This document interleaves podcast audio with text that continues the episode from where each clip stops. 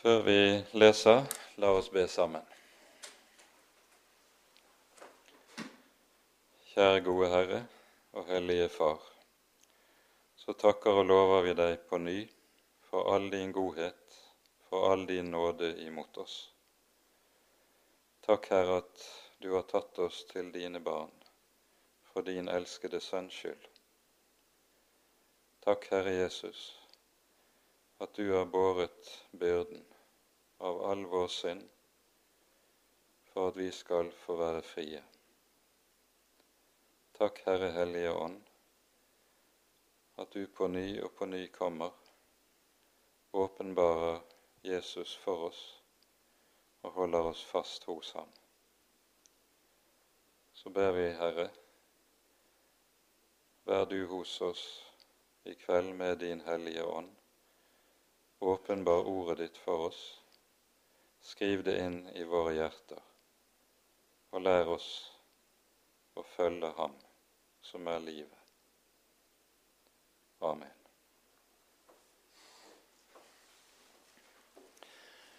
Når vi nå er inne i det ellevte kapittelet i andre Korinterbrev, da er vi altså inne i det kapittelet der vi hører Paulus i første halvdel av kapittelet har en, direkte eh, oppgjør med og en uhyre skarp eh, konfrontasjon med de falske apostlene som har gjort seg gjeldende i Korint. Det er på mange måter dette som er det tilbakevendende temaet gjennom hele andre Korinterbrev. De falske apostlene sin baktalelse av Paulus, det at de har søkt å undergrave eh, tilliten til Paulus sin person gjennom angrep på ham, ulike former for bakvaskelse. For kan de ramme tilliten til Paulus, så kan de dermed også ramme det evangelium som Paulus forkynner. Og det er dette som er temaet som uh, går igjen gjennom hele andre korinterbrev. Og vi når i det ellevte kapittel så å si et høydepunkt i dette oppgjøret som Paulus har med de falske apostlene. I versene som går like forut for teksten vi skal ha for oss i kveld, så hører vi det sies fra vers 13 til 15 følgende. For disse er falske apostler, svikefulle arbeidere som skaper seg om til Kristi apostler. Og det er ikke noe å undre seg over, for Satan selv skaper seg jo om til en lysets engel.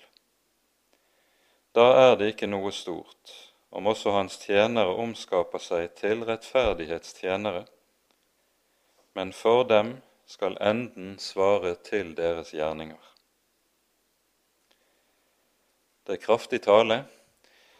Det er en tale som uh, i, ellers i Paulus sine brev bare motsvares av det vi hører i innledningen i, til Galaterbrevet, der Paulus skriver dersom noen forkynner et annet evangelium enn det dere har mottatt, han være forbannet. Paulus henger med andre ord bjellen på katten i uh, disse versene. Og det som da har undret eh, fortolkere av andre korinterbrev, det er at Paulus ikke klarere gir uttrykk for hva den vranglære bestod i som kjennetegnet disse falske apostlene. Det er så å si slik at vi bare via hentydninger her og der i brevet kan ane noe om hva vranglæren bestod i. Eh, og Derfor har det også vært sånn i utleggelseshistorien til andre korinterbrev at eh, eh, forståelsen av hva slags vranglære det egentlig dreide seg om, har sprikt i alle retninger. Det er godt mulig at vi i det avsnittet vi nå går inn i, finner et sterkt hint til hva det egentlig dreide seg om. Eh, vi kommer tilbake til det, men nå leser vi da avsnittet fra vers 16 og ut kapittelet. Igjen sier jeg, la ingen holde meg for en dåre. Men selv om dere nå gjør det, så ta likevel imot meg, om enn som en dåre, for at også jeg kan få rose meg litt. Det jeg her sier, det taler jeg ikke etter Herrens vilje men som i dårskap, når jeg roser meg så tillitsfullt. Siden så mange roser seg på kjødelig vis, vil også jeg rose meg, for dere tåler jo gjerne dårene, dere som er så kloke. Dere tåler det jo om noen gjør dere til treller, om noen utsuger dere, om noen fanger dere, om noen opphøyer seg over dere, om noen slår dere i ansiktet. Med skam sier jeg det, siden vi synes å ha vært så svake. Men det andre våger å rose seg av. Nå jeg, taler jeg som en dåre. Det våger vel også jeg å rose meg av.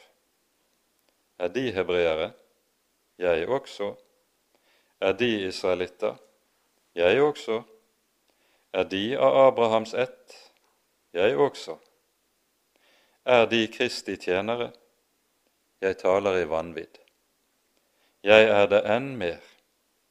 Jeg har arbeidet mer, jeg har fått flere slag. Jeg har oftere vært i fengsel, jeg har ofte vært i dødsfare. Av jødene har jeg fem ganger fått 40 slag på ett nær. Tre ganger er jeg blitt gitt stokkeslag, en gang steinet. Tre ganger har jeg lidd skipbrudd, ett døgn har jeg vært i dypet. Ofte har jeg vært på reiser, i fare på elver, i fare blant røvere, i fare blant landsmenn, i fare blant hedninger, i fare i by, i fare i ørken, i fare på hav, i fare blant falske brødre, i slit og i strev, ofte i nattevåk, i sult og i tørst, ofte i faste, i kulde og nakenhet. I tillegg til alt annet har jeg det som daglig ligger over meg, omsorgen for alle menighetene. Hvem er svak, uten at også jeg blir svak? Hvem voldes anstøt, uten at det brenner i meg? Er det nødvendig at jeg roser meg, da vil jeg rose meg av det som hører min skrøpelighet til.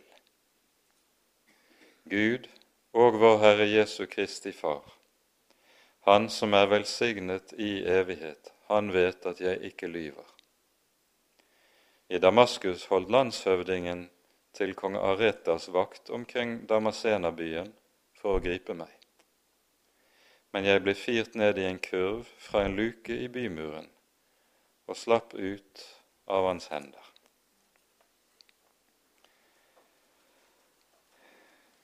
Det er to ord som går igjen en rekke ganger i avsnittet som vi har lest.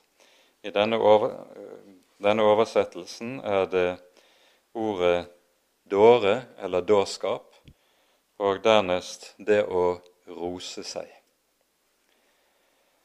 Disse ordene henger sammen med det som vi har særlig har hørt i kapittel 10 her i 2. Korinterbrev, men også i kapittel 2. De falske apostlene hadde det med seg at de for det første skrøt av sin egen posisjon, skrøt av det Gud hadde brukt de til, og de kunne også vise til skriftlig anbefalelsesbrev, antagelig fra noen i Jerusalem, som gjorde at de slik kunne legitimere at de var, hadde noe å fare med i den kristne menighet. Og så driver altså disse falske apostlene med en form for selvros som det er tydelig at korinterne har falt for. De eh, Og det er dette Paulus kaller for den aller største dårskap. I ordspråksboken står det jo direkte 'la en annen, rose, la en annen munn rose deg, og ikke din egen'. Og eh, i slutten av kapittel 10 skriver Paulus også det er ikke den som gir seg selv vitnesbyrd, som holder mål, men den Herren gir vitnesbyrd.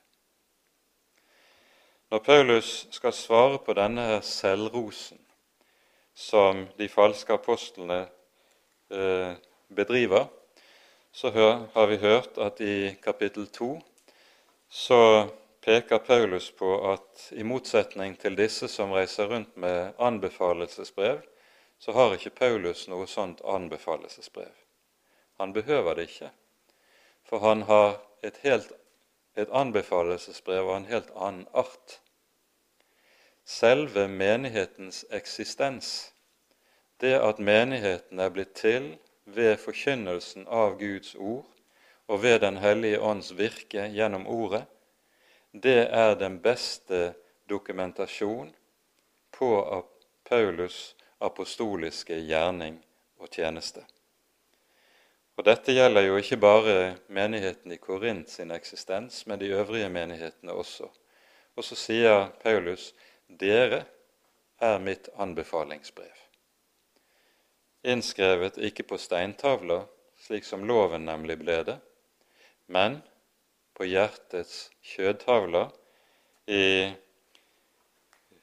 tråd med det som vi hører hos profeten Jeremia om hva som skal kjennetegne evangeliet. Evangeliet er det ord som skrives inn på hjertenes kjødtavler. Og Så forstår vi av dette også antydningsvis at disse falske apostler de er drevet med en eller annen form for lovlære eller lovforkynnelse som fører menighetene inn i trelldom. Det andre er altså den typen selvros som disse har bedrevet for å skaffe seg selv inngang og tillit blant korinterne. Til dette sier altså Paulus ikke den som gir seg selv vitnesbyrd, holder prøve, men den Herren gir vitnesbyrd. Og så begynner han kapittel 11 med følgende Tenk om dere ville tåle litt dårskap av meg. Ja, det får dere tåle. Og Paulus sin dårskap, som han nå vil at menigheten skal tåle, det er at han også vil rose seg. Men når vi leser det avsnittet som vi har lest og hørt nå, så ser vi at det er en underlig form for ros, eller selvros. Han roser seg av sin skrøpelighet. Han roser seg altså av helt, noe helt annet enn det mennesker for øvrig ville finne det naturlig å rose seg av. Når vi kommer til vers 16, som vi begynte med, så griper Paulus altså tilbake til det vi hører i det første verset i kapittelet, og Så er det da sånn at vers 2-15 er et innskudd, og så vender han tilbake altså til dette. Tenk om dere ville tåle litt dårskap av meg. I flere andre oversettelser så er ordet som her er oversatt med dårskap, det er oversatt med vanvidd eller galskap. For grunntekstens begrep som anvendes her, det kan dra i den retningen også. Han taler likesom i en slags vanvidd, og vi hører han understreker uttrykkelig i vers 17. Det jeg her sier, det taler jeg ikke etter Herrens vilje. Og Her ser vi noe som er uhyre betydningsfullt når det gjelder Paulus' apostoliske gjerning, og som han har felles med de fleste både apostler og profeter i Den hellige skrift. De har nemlig det med seg at de selv trer tilbake for det budskap som de er satt til å forkynne. De taler i meget liten utstrekning om seg selv, sin egen bakgrunn, sitt eget liv og hva det nå måtte være. Det som har vekten, det som alltid står i forgrunnen, det er budskapet, det som er dem pålagt av Herren å bære frem. Og Dette gjør jo at alle som er interessert i historie og biografi, de er meget misfornøyde når de leser disse skriftene, fordi man får vite så uhyre lite om disse personene, om deres personlighet, om deres bakgrunn, om deres liv osv. Men dette er karakteristisk for Herrens tjenere. De trer tilbake for det budskap de er satt til å bære frem. Her står de også i skarp kontrast til en del moderne forkynnere som du av og til kan støte på, som forteller i det vide og det brede om hva Gud har brukt dem til, om opplevelser de har hatt i sin tjeneste, osv. På denne måten blir de meget interessante på denne måten kan mennesker bli meget imponert over deres åndelighet, hvor langt de har nådd i vandringen med Gud, og hvor nær de lever Gud. For det er det inntrykket de da skaper av dette. Og så sitter folk i forsamlingene og tenker ja, tenk om vi kunne ha et like så nært forhold til Gud som disse her. Tenk om vi kunne ha et så direkte forhold til Ånden som disse her har. For det er det inntrykket som veldig ofte blir sittende igjen når en taler på det vis. Og Derfor sier altså Paulus det jeg her sier, når han skal nå så å si nødtvungent må tale litt om seg selv og sitt eget liv for å eh, slår bena under de falske anklagene som de, disse apost, falske apostlene har kommet med overfor ham, så gjør han det altså fordi han vet at dette ikke er Herrens vilje, men er, gjør det likevel nødtvungent. Han vil ikke tale om seg selv. Her hører vi Paulus har en praksis som eh, man burde, enhver som er i forkynnelsens tjeneste, burde legge seg nøye på hjertet. En skal være uhyre varsom med å tale om eget liv, eget virke, egne erfaringer, fordi det veldig fort kommer til å gjøre forkynneren interessant, i stedet for at budskapet får lov til å stå der med den tyngde det skal ha. Det jeg her sier, det taler jeg ikke etter Herrens vilje, men som i dårskap. Ja, det som i vanvidd, når jeg roser meg så tillitsfullt. Siden så mange roser seg på kjødelig vis, vil jeg også rose meg. Og Når han nå taler om å rose seg på kjødelig vis, så snakker han da om de rent ytre ting som disse falske apostler har rost seg av. Dere tåler jo gjerne dårene, dere som er så kloke. Eh, og Så hører vi i vers 22 noe av det som tydeligvis disse har fremholdt som særlige kvalifikasjoner. Er de hebreere? Jeg òg. Er de israelitter? Jeg òg. Er de av Abrahams ett? Jeg òg.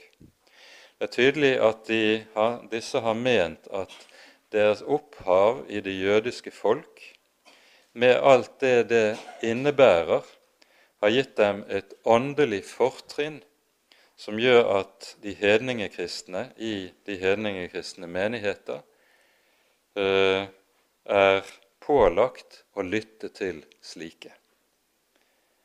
Paulus taler jo på tilsvarende måte i Filippabrevets tredje kapittel om dette som kjødelige fortrinn. Vi kan lese et par vers fra Filippane 3 til sammenligning. Vi leser fra vers 3, der han skriver Det er vi som er de omskårne, vi som tjener Gud i Hans ånd. og roser oss i Kristus Jesus, og ikke setter vår lit til kjød. Skjønt jeg har saktens det jeg kunne sette min lit til også i kjød. Om noen annen mener seg å kunne sette sin lit til kjød, da kan jeg det enn mer. Jeg er omskåret på den åttende dag. Jeg er av Israels ett, av Benjamins stamme. En hebreer født av hebreere i forhold til loven en fariseer. I nidkjærhet en forfølger av menigheten. I rettferdighet etter loven ulastelig. Men det som var meg en vinning, har jeg for Kristi skyld aktet for tap. Altså, her er det tale om noe som menneskelig sett kunne være en fordel. Paulus akter det for tap. For han bedømmer ting på åndelig vis, ikke på kjødelig vis. Disse, som, eh, disse falske apostlene de bedømmer altså ting på kjødelig vis. Og når de holder frem sine fortrinn som fordi de kommer av Israels folk, så kan de vise til f.eks. det Paulus skriver i Romerbrevets niende kapittel om de fortrinn Gud har gitt det jødiske folk. For her skriver Paulus om dem. De er jo israelitter. Dem tilhører barnekåret og herligheten og paktene og lovgivningen og gudstjenestene og løftene. Dem tilhører fedrene, og fra dem er Kristus kommet etter kjødet han som er Gud over alle ting, velsignet i evighet. Amen. De har fort det fortrinn at Gud har utvalgt dette folk med tanke på å la Er det lyd nå? Nå kom det lyd? Ok. Det står at de skal holde i fem timer, men det, vi får se om det er til å stole på. Ja vel. Poenget er altså her at det er forskjell på det å rose seg av kjød og det å rose seg i Kristus. Og det er her den store forskjellen er mellom Paulus og de falske apostler. Det forunderlige med det vi nå leser i disse par versene, fra vers 19 til 21, det er at Paulus her ironiserer nokså skarpt over korinterne. I første korinterbrev hører vi hvor et av kjennetegnene på menigheten i Korint det er at de mener seg å være meget innsiktsfulle. Såpass fulle av innsikt og kunnskap at de mener seg fullt i stand til å bedømme Paulus og hans forkynnelse som mindreverdig. Dette hører vi i kapittel 1 og kapittel 2 i første Korinterbrev. De mener med andre ord om seg selv at de har en langt dypere innsikt i frelsens hemmeligheter enn selv Herrens apostel, og vil så dermed ha Han til å forkynne slik som de mener vil være riktig, klokt og best. Og Nå er det da Paulus tar utgangspunkt i dette, dere som er så kloke. Hvordan kan dere oppføre dere så dåraktig som dere vitterlig nå gjør? Og så peker han på det som har skjedd med disse falske apostlene. Dere tåler det jo om noen gjør dere til treller. Om noen utsuger dere, om noen fanger dere, om noen opphøyer seg over dere, om noen slår dere i ansiktet. Det vi her får tegnet bilde av, det er det vi kan kalle for maktmennesker. Det er mennesker som bruker sin kristne autoritet til å tilrive seg makt over andre mennesker, makt i menigheten. Og Det spørs om vi med det ikke er inne på noe av det som har vært kjennetegnet på eller kanskje det mest grunnleggende kjennetegnet på disse falske apostlene. Deres forkynnelse har bare vært, har vært av den karakteren at de bruker ordet om Kristus til å skaffe seg selv posisjon, skaffe seg selv innflytelse, skaffe seg selv fordeler.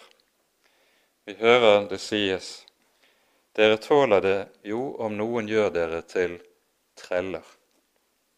Med det siktes det antagelig til at eh, disse har ført en lovforkynnelse eh, la den judaistiske forkynnelsen vi hører om i Galaterbrevet, og som binder menigheten under menneskebud og menneskelige autoriteter, i stedet for at de har friheten i Kristus. For det andre dere tåler det jo om noen utsuger dere. Her er det tale om altså at disse bruker sin eh, posisjon til økonomisk vinning for egen del. Vi hører jo Paulus er inne på flere ganger i 2. Korinterbrev at de så å si skattlegger menigheten, mens Paulus da altså ikke tar seg betalt, ikke vil ha noen understøttelse økonomisk av menigheten i Korint. For det tredje så sies det de fanger dere. Og Her siktes det antagelig nettopp til denne eh, stilling som maktmennesker søker å etablere når de kommer inn i en eller annen kristen sammenheng, der det blir på det vis at noen regnes som brødre bare i den grad de underordner seg deres autoritet og myndighet som det gjelder. Her står vi overfor noe som Det nye testamentet inngående advarer imot i flere sammenhenger. I første Peters brev så hører vi Peter tale om, eller komme med formaning til dem som er satt til å være tilsynsmenn i Herrens menighet.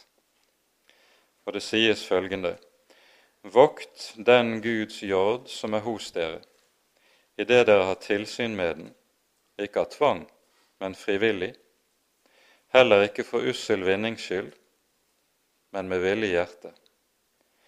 Heller ikke som herskere over menighetene. Heller ikke som herskere over menighetene. Legg nøye merke til det. Over menighetene som er betrodd dere, men slik at dere blir forbilder for jorden. Når så overhyrden åpenbares, skal dere få ærens uvisnelige krans. Jesus har jo også vært inne på noe av dette problemet flere ganger i sin skolering av disiplene. Et av de aller viktigste avsnittene har vi i Matteusevangeliets 20. kapittel der vi hører Jesus si følgende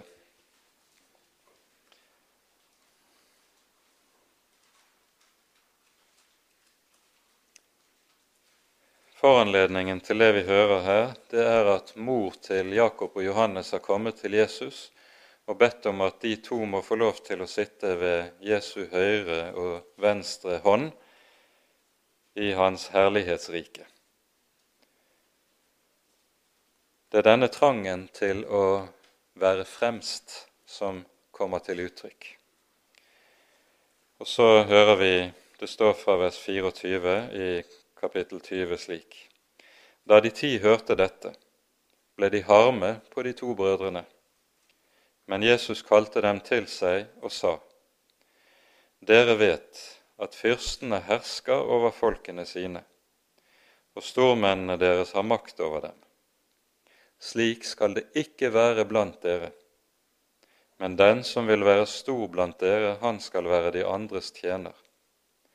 Og den som vil være den første blant dere, skal være de andres trell. like som menneskesønnen ikke er kommet for å la seg tjene, men for selv å tjene og gi sitt liv til en løsepenge i mange sted. Ikke herske, men tjene, det er så å si noe av grunnregelen i Kristi rike. Og Derfor er alt dette som har med menneskelig behov for makt, menneskelig trang til å stå over i stedet for å stå under, det er noe som dypest sett er av satanisk karakter. Kanskje det er dette som ligger bak at Paulus er så kvass i sin omtale av disse som vi hører det i versene som går forut for vår tekst. Så hører vi det også sies om disse dere tåler det om noen opphøyer seg over dere. Det er det menneskelige hovmod som gir seg uttrykk i trangen til å være stor og ha posisjon. Ja, om noen slår dere i ansiktet.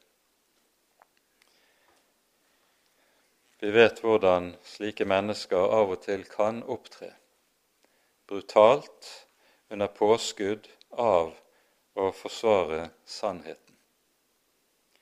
De kan likesom gi skinn av å være ekstra nidkjære gjennom sin åndelige brutalitet. Og korinterne har i sin forvillelse tålt dette, latt seg dupere av dette hos disse folkene.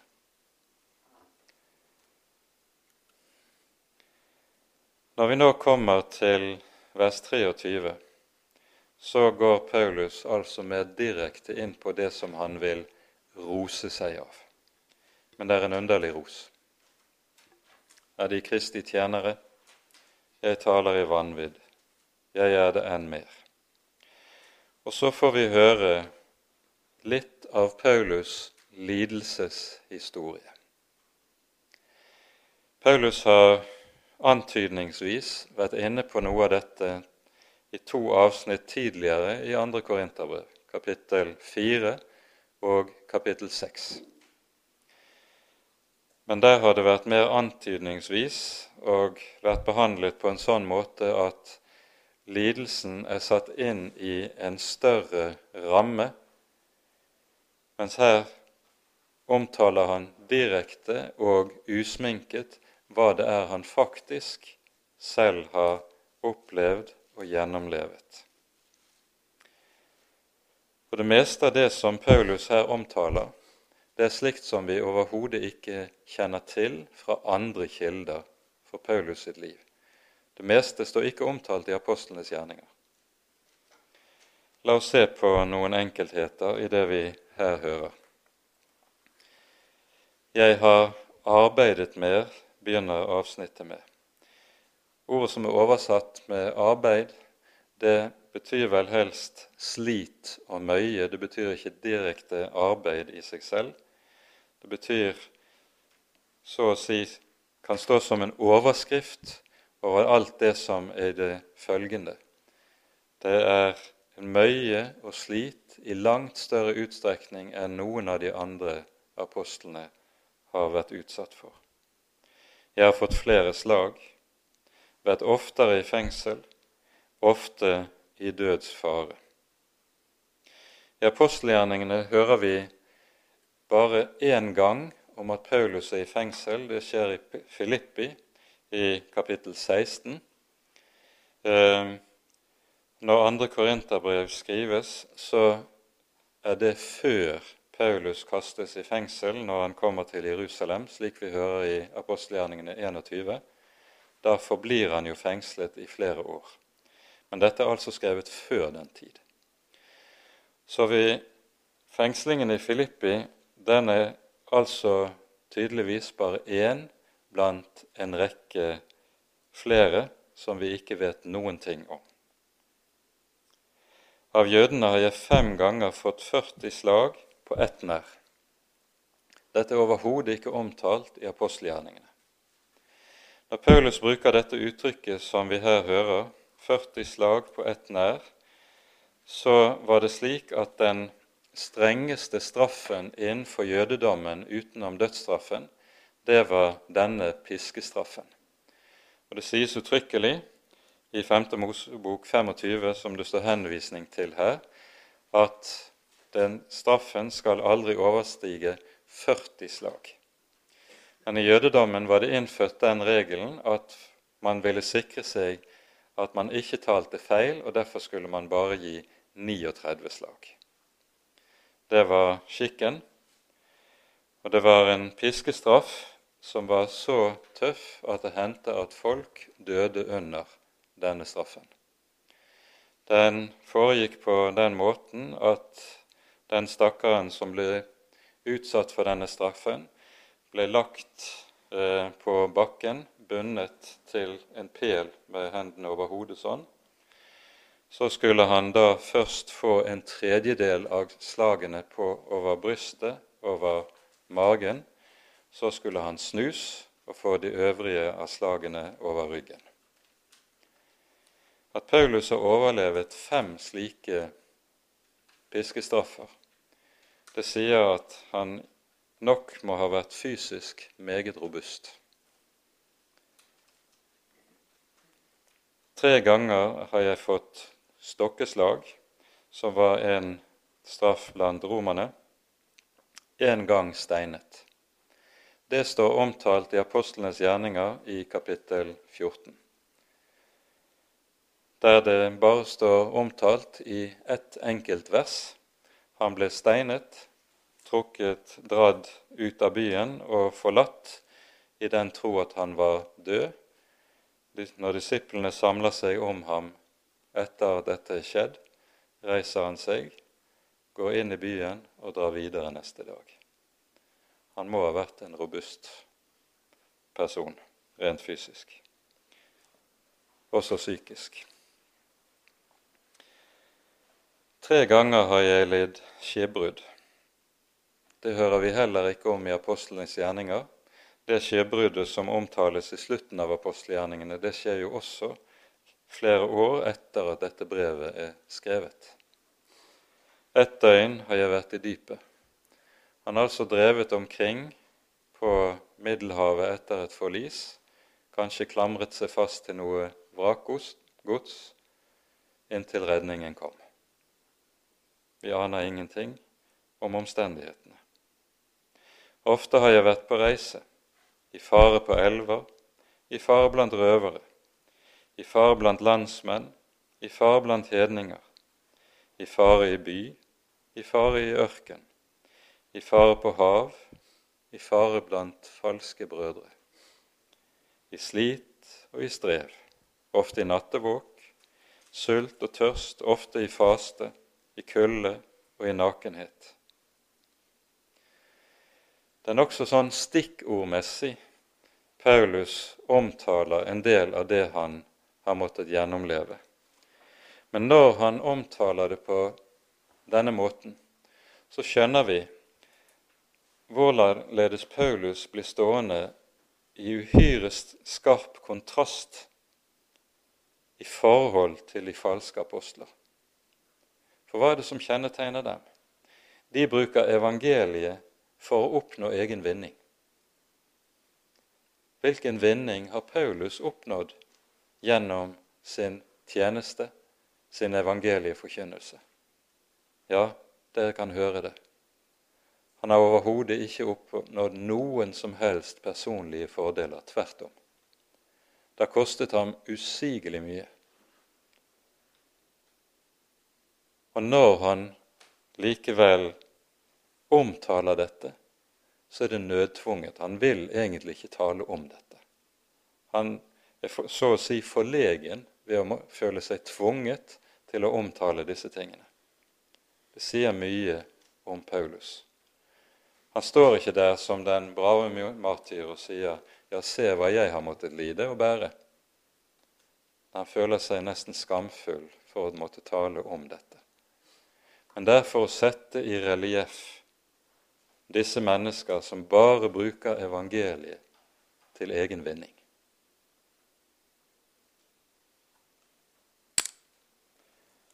I tillegg til alt dette har jeg daglig, det som daglig ligger over meg, omsorgen for alle menighetene.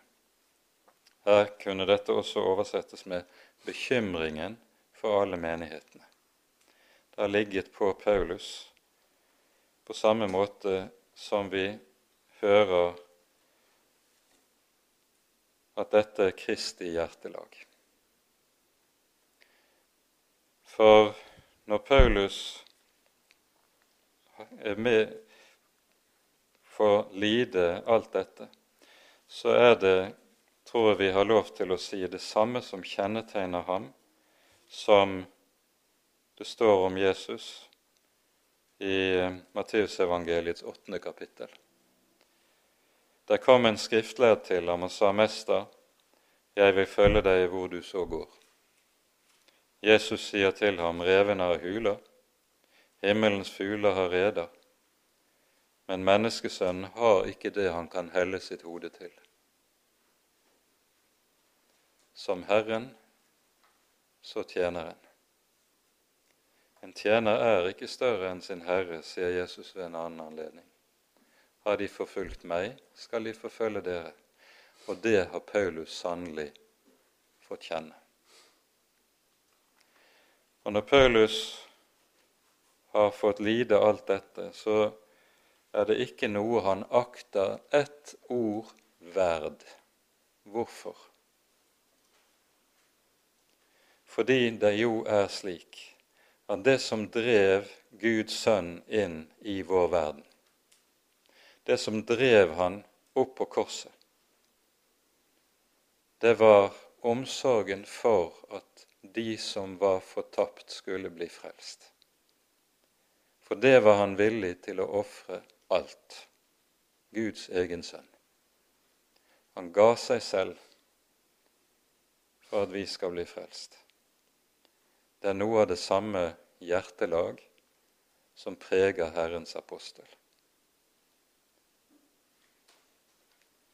Og så ligger omsorgen der for menighetene, som vi hører det.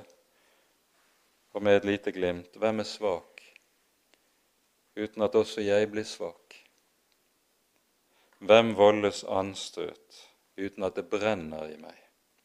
Ordet, dette som er oversatt på denne måten, 'hvem voldes anstøt', eh, det, I dette ligger det 'hvem kommer til frafall uten at det brenner i meg. Jesus har gitt sitt liv for at disse menneskene ikke skal gå tapt. Og så er det en lidelse og en smerte for ham når han ser noen står i fare for å komme bort. Det er apostlenes hjertelag som er Jesu hjertelag.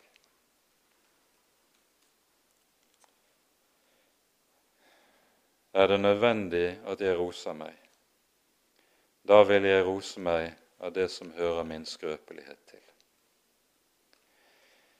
Det som jo er iøynefallende når Paulus taler i dette avsnittet om å rose seg, det er at han ikke sier og forteller om alt det som likesom skulle ha gitt ham betydning.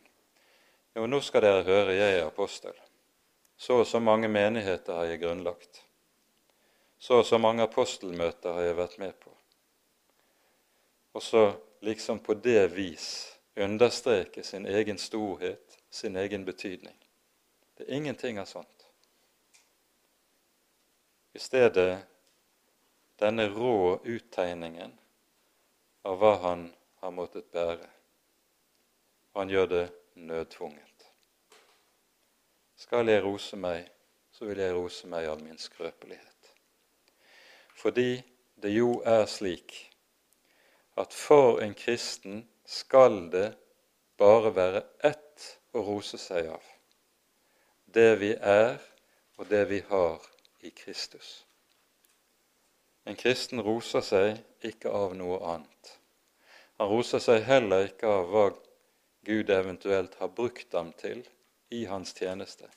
Han roser seg i Herren. For det sinn som ligger hos den som har sett inn i nåden, det er det sinnet vi møter i Lukasevangeliets 17. kapittel, der vi hører Jesus tale om den mann som har en tjener, og så er det slik at når tjeneren kommer hjem om kvelden, sier, sier han vel da 'sett deg til bords'? Nei, han ber han om å gjøre så og så, og så kommer det til slutt. Således skal også dere si, når dere har gjort alt det som er dere pålagt, vi er unyttige tjenere og har bare gjort det som var oss pålagt. Den som kjenner seg selv i Guds lys, han har liten trang til å tale store ord om seg selv.